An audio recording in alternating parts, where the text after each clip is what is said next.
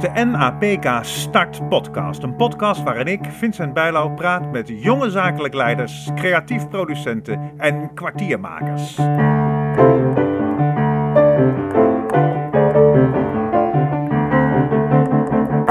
Mijn naam is Varnu Svarnia. Uh, ik woon in Amsterdam op een uh, mooi oud schip. Um, ik ben uh, op dit moment programmeur bij het Oerol Festival op Terschelling. Um, en ik run de Mesrap Storytelling School, een opleiding voor storytellers. Uh, en daarnaast heb ik lang uh, in de Mesrap gewerkt. Dat is een podium voor storytelling. Um, en ik ben docent. Ik geef veel verschillende plekken les in verhalen vertellen. En ook op de, op de Academie voor Dans? Theater en dans. Ja, ja precies. Ja, in Amsterdam. Hey, laten we even met, met Oerol beginnen. Want dat ligt natuurlijk... Hoe, hoe gaat het dit jaar? Wat gaat er dit jaar gebeuren? Weet jij dat al?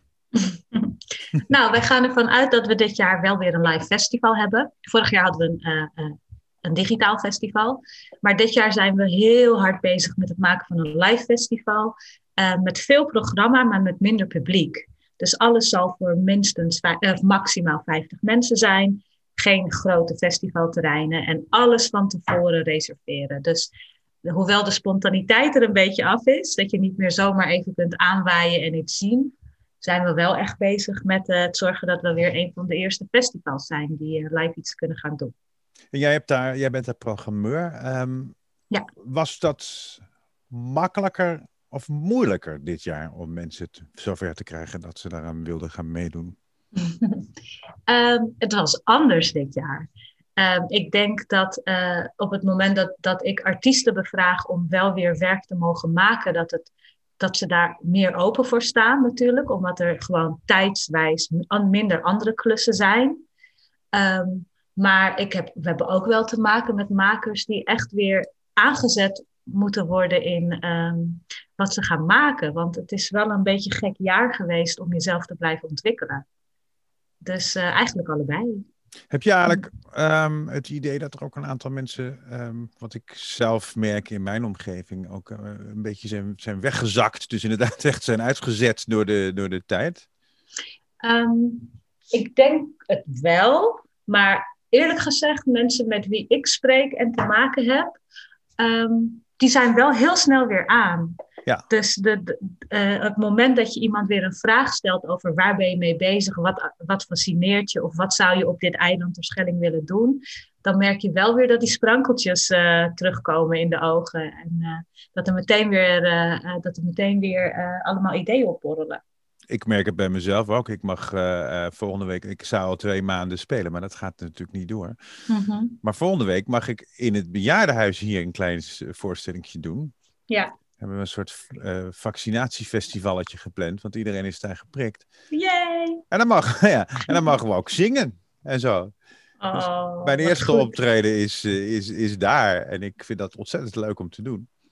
Ja, dat is bijzonder. Hè? En dat merk je dus ook aan, aan artiesten die ik nu bevraag. Uh, als je bij Oerol afgelopen jaren kijkt, heb je soms wel voorstellingen waar 300 of 400 man in passen. En dit jaar hebben we max 50. Ja. Ik merk aan de, aan de theatermakers en muzikanten dat ze dat heel mooi en fijn vinden. Want je kan weer kleinschalig beginnen, je kan weer met contact beginnen. In plaats van dat je meteen weer moet naar die grootschaligheid. Dus je merkt ook dat mensen het echt hebben gemist. Gewoon een groepje mensen om iets voor, uh, voor te kunnen doen. Enorm. Ja, want het is ook natuurlijk een van je redenen van bestaan. Ja. Hoe ben jij ooit in dit, uh, in dit, want jij combineert natuurlijk op een hele unieke manier zakelijk leiderschap en, en, en, en artistieke zaken. Ja. Hoe, hoe ben je daar ooit mee begonnen? Um, ik, ben, uh, ik, ik, ik had nooit de intentie om uh, zakelijk leider of, of, artistiek leider te worden. Ik ben eigenlijk begonnen op mijn twintigste, geloof ik, of negentiende, met mijn eerste werk in het Tropenmuseum Junior als verhalenverteller. En door dat te doen ben ik erachter gekomen dat er veel verhalen zijn die eigenlijk niet verteld worden in Nederland en die ik miste in de kunsten. Ja. Dus ik ben begonnen met uh, storytelling. Daarna heb ik uh, een, een, een jongere theatergroep uh, mede opgericht. Omdat ik dacht, er zijn zoveel mooie kunstvormen en verhalen die je niet hoort.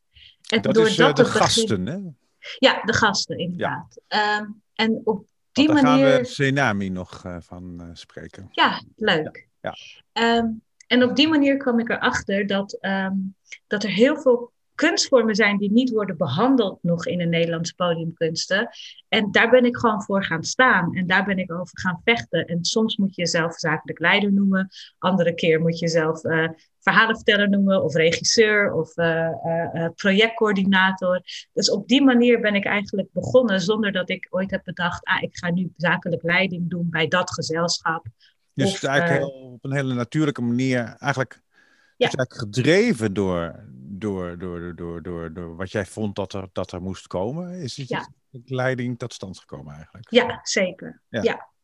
En die mesrap storytelling, mesrap dat overigens plektrum betekent, heb jij mij uh, net geleerd. uh, omdat je met een plektrum een snaar aanslaat die dan de lucht doet trillen en, en een prachtige metafoor.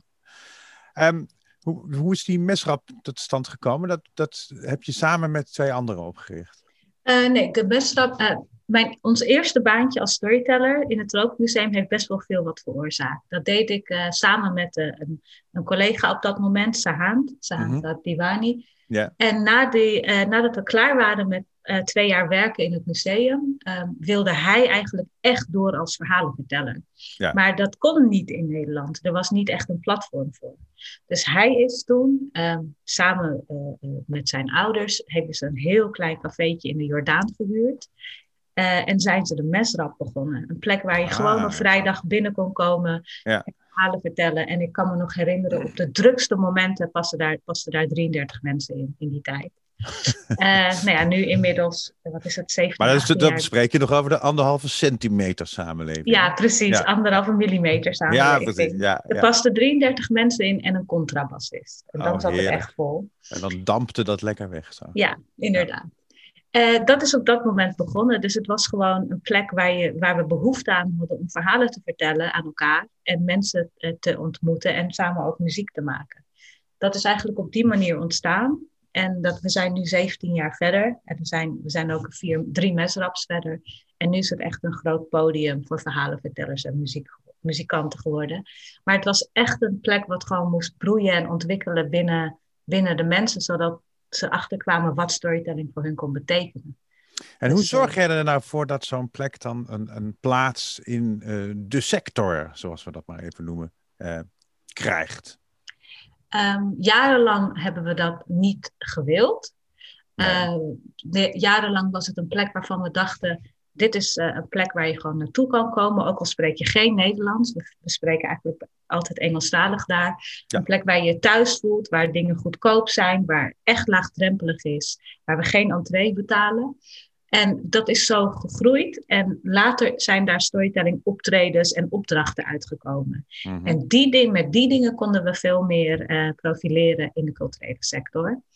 En uh, in 2015, toen we de laatste mesnap openden, dat is nu een café uh, in Amsterdam, de Veenkade, toen dachten we, nu willen we ook wel echt een statement maken met dat storytelling een, een professionele kunstvorm is. Dus toen zijn we op ons verschillende manieren in de culturele sector gaan uh, um, uit, uitspreken. We dachten, we moeten een opleiding beginnen, storytelling school, om te zorgen dat je echt professionele mensen hebt die kunnen ja. gaan toren. Ja. Dus dat zijn we begonnen. Aan de andere kant dachten we, we moeten nu voorstellingen gaan maken die ook door in theaters geboekt kunnen worden en op festivals. Dus dat zijn we gaan doen, echt het professionaliseren van de kunstvorm zelf. En we zijn uh, maatschappelijke gesprekken aangegaan met partners over wat betekent het om verhalen te delen met elkaar. Uh, uh, hoe zorg je dat je elkaar beter leert kennen, of dat je voor betere integratie zorgt in Nederland, of dat je. De, dus op die manieren zijn we eigenlijk gaan kijken hoe we in de kunst- en cultuursector storytelling ook echt een plek konden geven. En een van de dingen die ik vooral heb gedaan, is ook de gesprekken met de fondsen aangaan. Ja. Dus als Mesrap hebben we er expres voor gekozen om niet in de meerjarenplannen te komen, in de meerjarenaanvragensector te komen. Omdat we dachten, als we dat doen, dan verliezen we eigenlijk de originaliteit van Mesrap, de, de kern, waardoor het gaat over juist geen uh, meerjarenplanning maken. Ja, Altijd ja. zorgen dat je last minute programmeert, dat je echt bent voor de underdogs. Dan ben je niet en, wensbaar eigenlijk. Ja, en als je dan juist je plannen voor de komende vier jaar moet gaan vertellen en de voorstellingen ja. die je maakt, dan ben je dat kwijt. Ja. En ook omdat we geen toekomst, sorry, omdat we niet willen dat, dat mensen geld betalen aan de deur. Dus dat soort dingen zorgen ervoor dat je eigenlijk niet goed past in de huidige sector in, bij de fondsen. Dus ik ben gesprekken aangegaan voor projectsubsidies en niet voor meerjarensubsidies. En die gesprekken gingen echt vooral om waarom is storytelling eigenlijk een kunstvorm. En dus wat was ook de fondsen in eerste instantie van ehm, die vragen? Nou, in eerste instantie wisten ze niet goed waar ze storytelling moesten, onder moesten uh, indelen. Dus het was meer, oh ja, nou ja, dit is de theaterafdeling, oh, dit is meer de uh, teksttheater, of dit is sociaal-maatschappelijk. Dus de gesprekken gingen eigenlijk meer over waar kan je storytelling eigenlijk onder ja, waar, waar kan je dat, uh, dat gesprek voeren? Bijvoorbeeld bij Fonds Podiumkunst, is dat theater, is dat teksttheater, is dat meer sociaal-maatschappelijk? Ja. Um, dus eerst gingen gesprekken echt heel erg basaal over wat is storytelling? En daarna ging het pas over, als je, dat dan, als je daar een, een subsidie voor hebt, bijvoorbeeld omdat het past onder theater, waar moet het dan aan voldoen? Maar je moest dus mensen van fondsen daar echt in voorlichten, zou ik maar zeggen. Ja, dat moest zeker. En dat... dat kon je ook doen door verhalen te vertellen. Dat moeten mooie sessies geweest zijn. Ja, ja, en dat, daarin heeft het oprichten van de Storytelling School ons enorm geholpen. Want dat, geeft, dat gaf onszelf ook houvast in wat we aan het doen waren. En ja, je moet dan je eigenlijk je eigen story gaan tellen. Zeker. Fonds. Hè, dat is wel interessant, dat is wel leuk. Ja, en ik heb zelf ook uh, een paar jaar gewerkt als adviseur bij, uh, bij fondsen. Dus daarin leerde ik ook het gesprek voeren over hoe, wat is kwaliteitsmeting bijvoorbeeld bij studenten. Ja, ja, ja. Of uh, wat is de maatschappelijke betrokkenheid? Of uh, hoe, doe je, hoe moet je zorgen dat je je begroting rondkrijgt als je bijna veel minder publieksinkomsten wil genereren, omdat je wil dat het voor iedereen toegankelijk is. Dus juist door het werken met Pijn Fonds en daarnaast heel erg met mijn voeten in, de, in, die, in die klei van oprichten van zo'n plek te staan, leerde het mij om uh, daar een soort balans in te vinden. Vond je daar een gewillig oor uiteindelijk bij de fondsen? Um, ja, dat denk ik wel. ik hm. denk, uh, ik bedoel, het is niet, we zijn niet klaar hè. Ik zit er middenin. Nee, nee, nee, nee. Maar ik bedoel, je moest ergens uh, gewoon een, een structurele erkenning vinden, zou ik maar zeggen. Ja, precies. En ik ja. denk, als ik nu kijk, 2000, waar zijn we, 21. Um, ehm, Mesrap heeft eind vorig jaar de Amsterdamprijs voor de kunst gewonnen. Ja. En uh, dat betekent toch wel dat je wordt erkend in wat je doet als podium en als uh, platform. Dus ik denk wel dat we daar, ik, ik, denk dat we zeker een stuk verder zijn met bijvoorbeeld fondsen in, uh, in wat storytelling kan betekenen, ook in de kunstsector in Nederland. Um, maar die gesprekken lopen echt nog. Het is, het is niet een gedane zaak van, oh ja, dit is hoe het moet.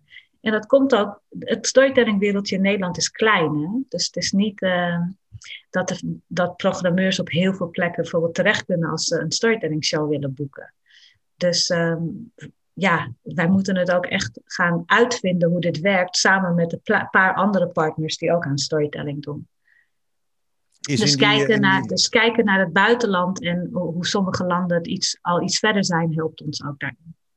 Ja, hoe, hoe, hoe is het daar? Ik weet van, van, uh, van, van Engeland dat, het, dat de vorm daar al heel lang bestaat, bijvoorbeeld. Ja, precies. Dus um, uh, mijn partners van de Storytelling School zijn ook de artistiek leiders van uh, Amsterdam Storytelling Festival. En die gaan bijvoorbeeld ieder jaar naar Edinburgh Fringe om daar storytelling voorstellingen te zien. Want daar speelt het veel meer dan in Nederland. Het is natuurlijk eigenlijk ook een, een, een oerkunstvorm.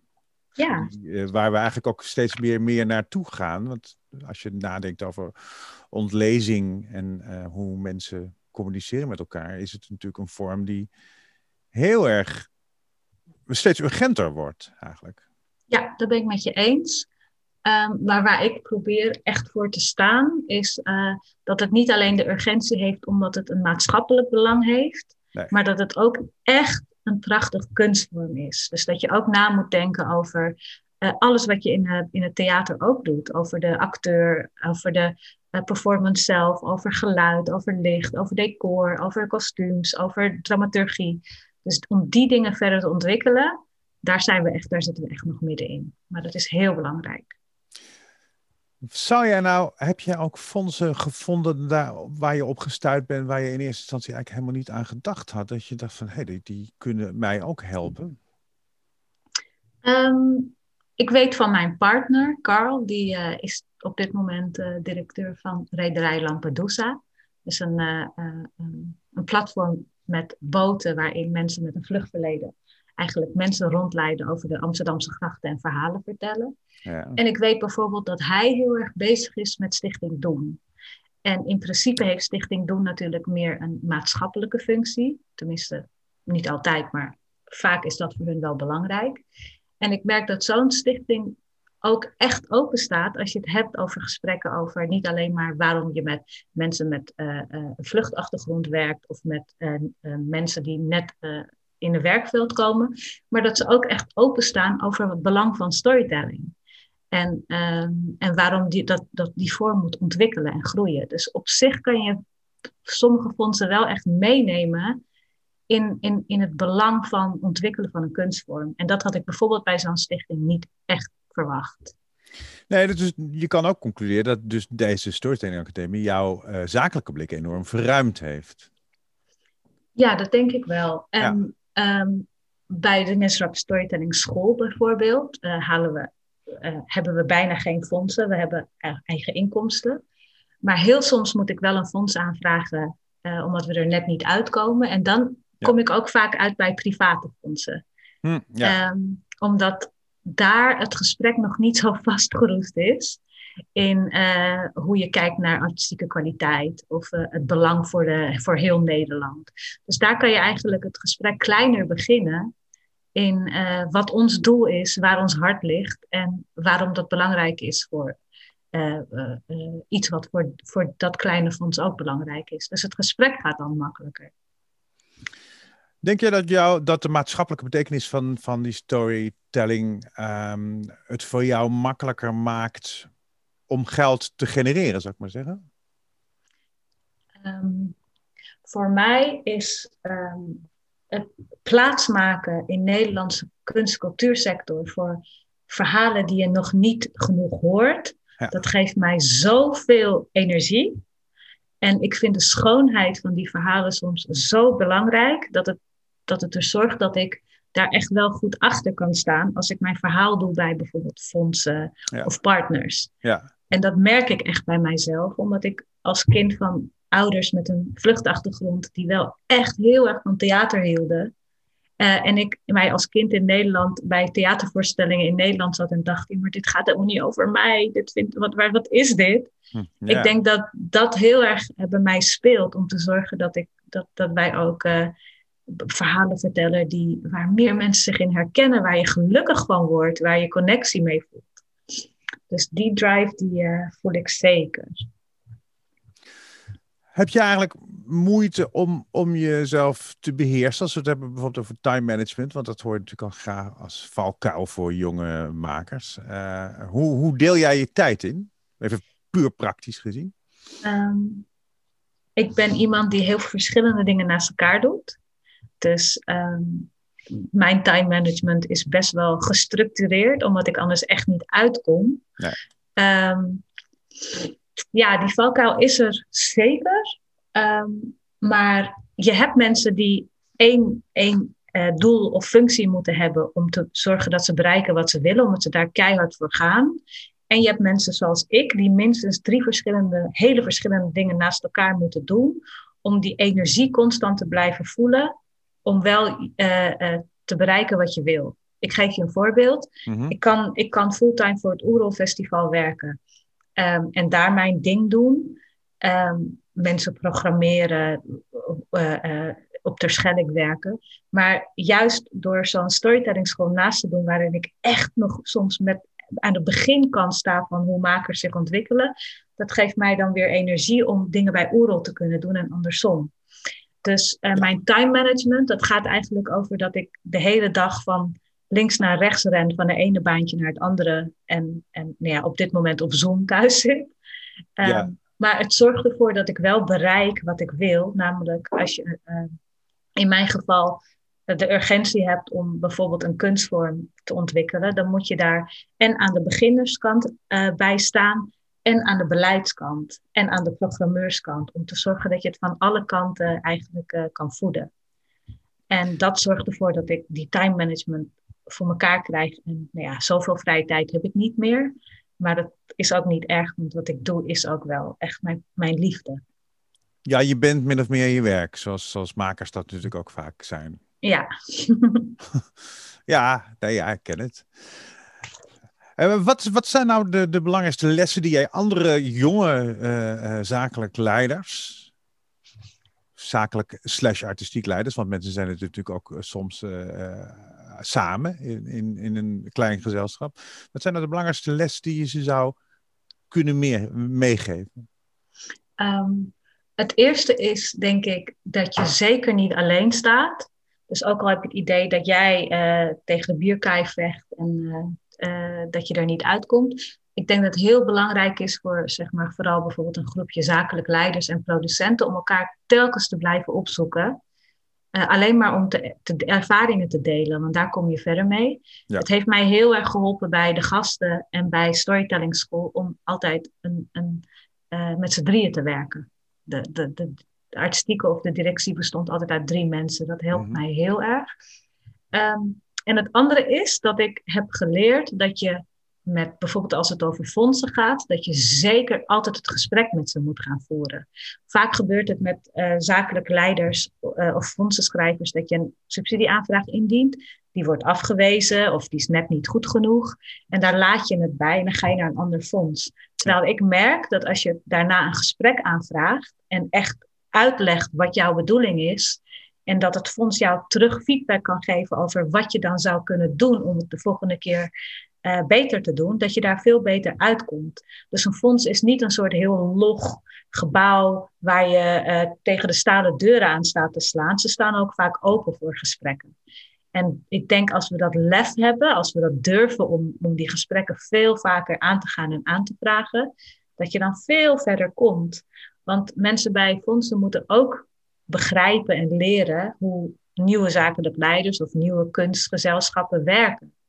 En omdat die vaak niet vallen onder uh, de, de, structurele manier wat al jaren normaal is. Dus je moet die gesprekken echt aandurven gaan. Ja, dat, maar dat kan ook echt verandering in gang zetten. Ja. In de manier waarop zij naar kunstvormen kijken. Ja, dat merk ik echt. Dus uh, bij een aantal fondsen hebben we in het beginjaren van de gasten heel veel gesprekken moeten voeren over waarom jongerentheater uh, met ook deels amateurs ook echt binnen de podiumkunsten hoort. Ja. En niet alleen maar amateur uh, of uh, sociaal-maatschappelijk is. En dat heeft ons jaren gekost om te zorgen dat nu op dit moment de gasten structurele financiering van Fonds Podiumkunsten krijgen. Maar daar, daar zit, je moet echt een fonds meenemen in, in de verandering van, ja. van de kunsten eigenlijk ook.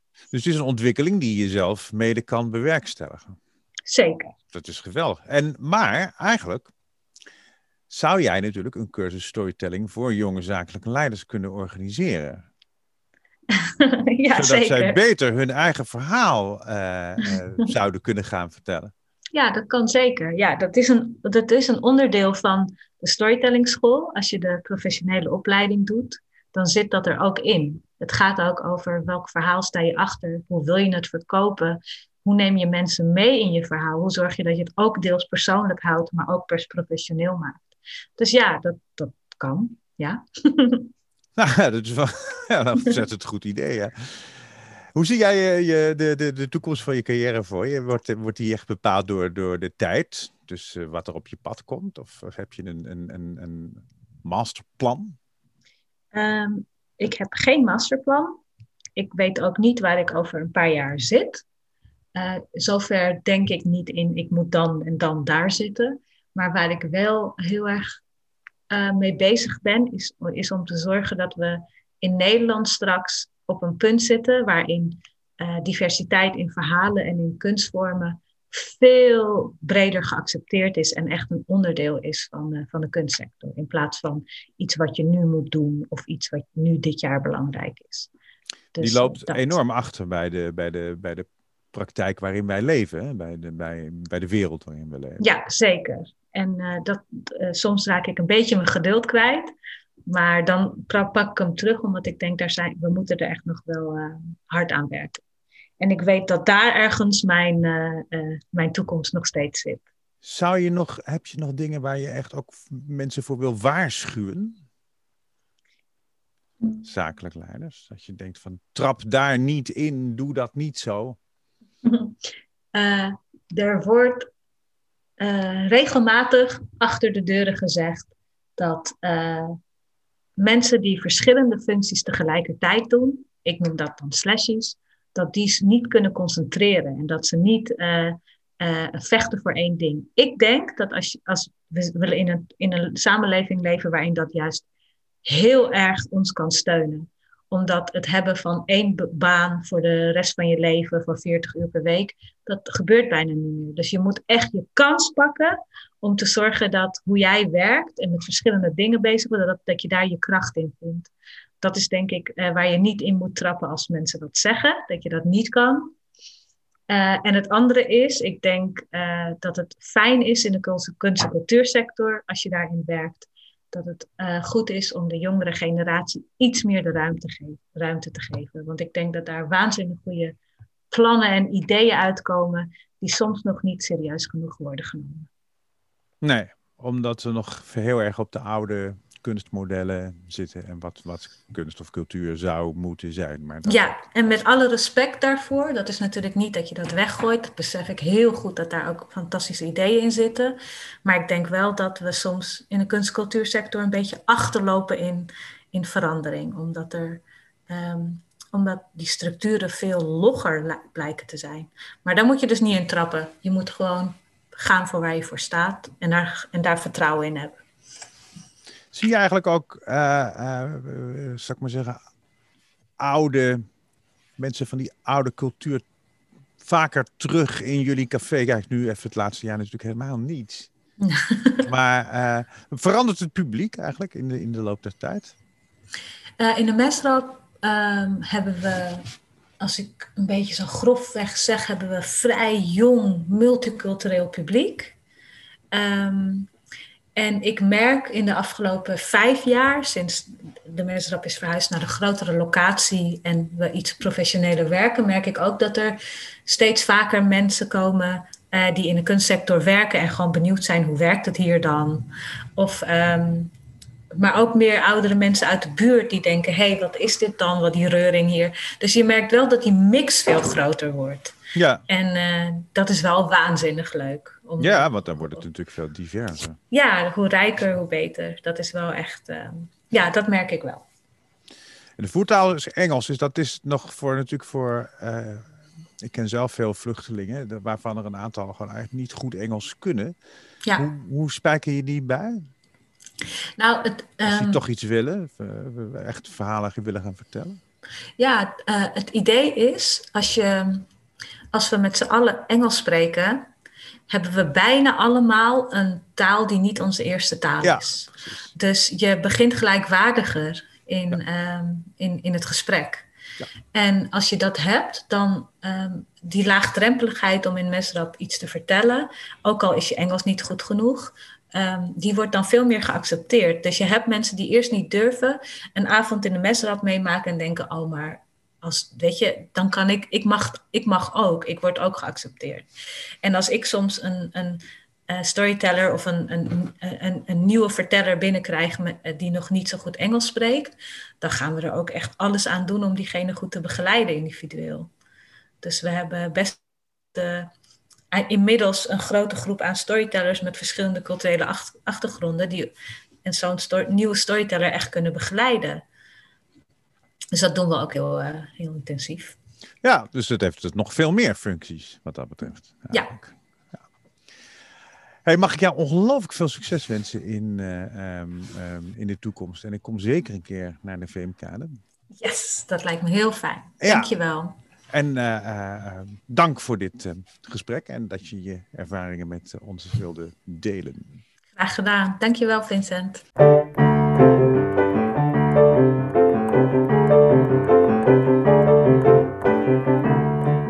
Ben je op zoek naar meer informatie, ondersteuning, inspiratie, Kijk op napkstart.nl. Daar heb je gratis toegang tot een gevarieerd aanbod aan workshops, talks, presentaties, podcasts, masterminds en meer.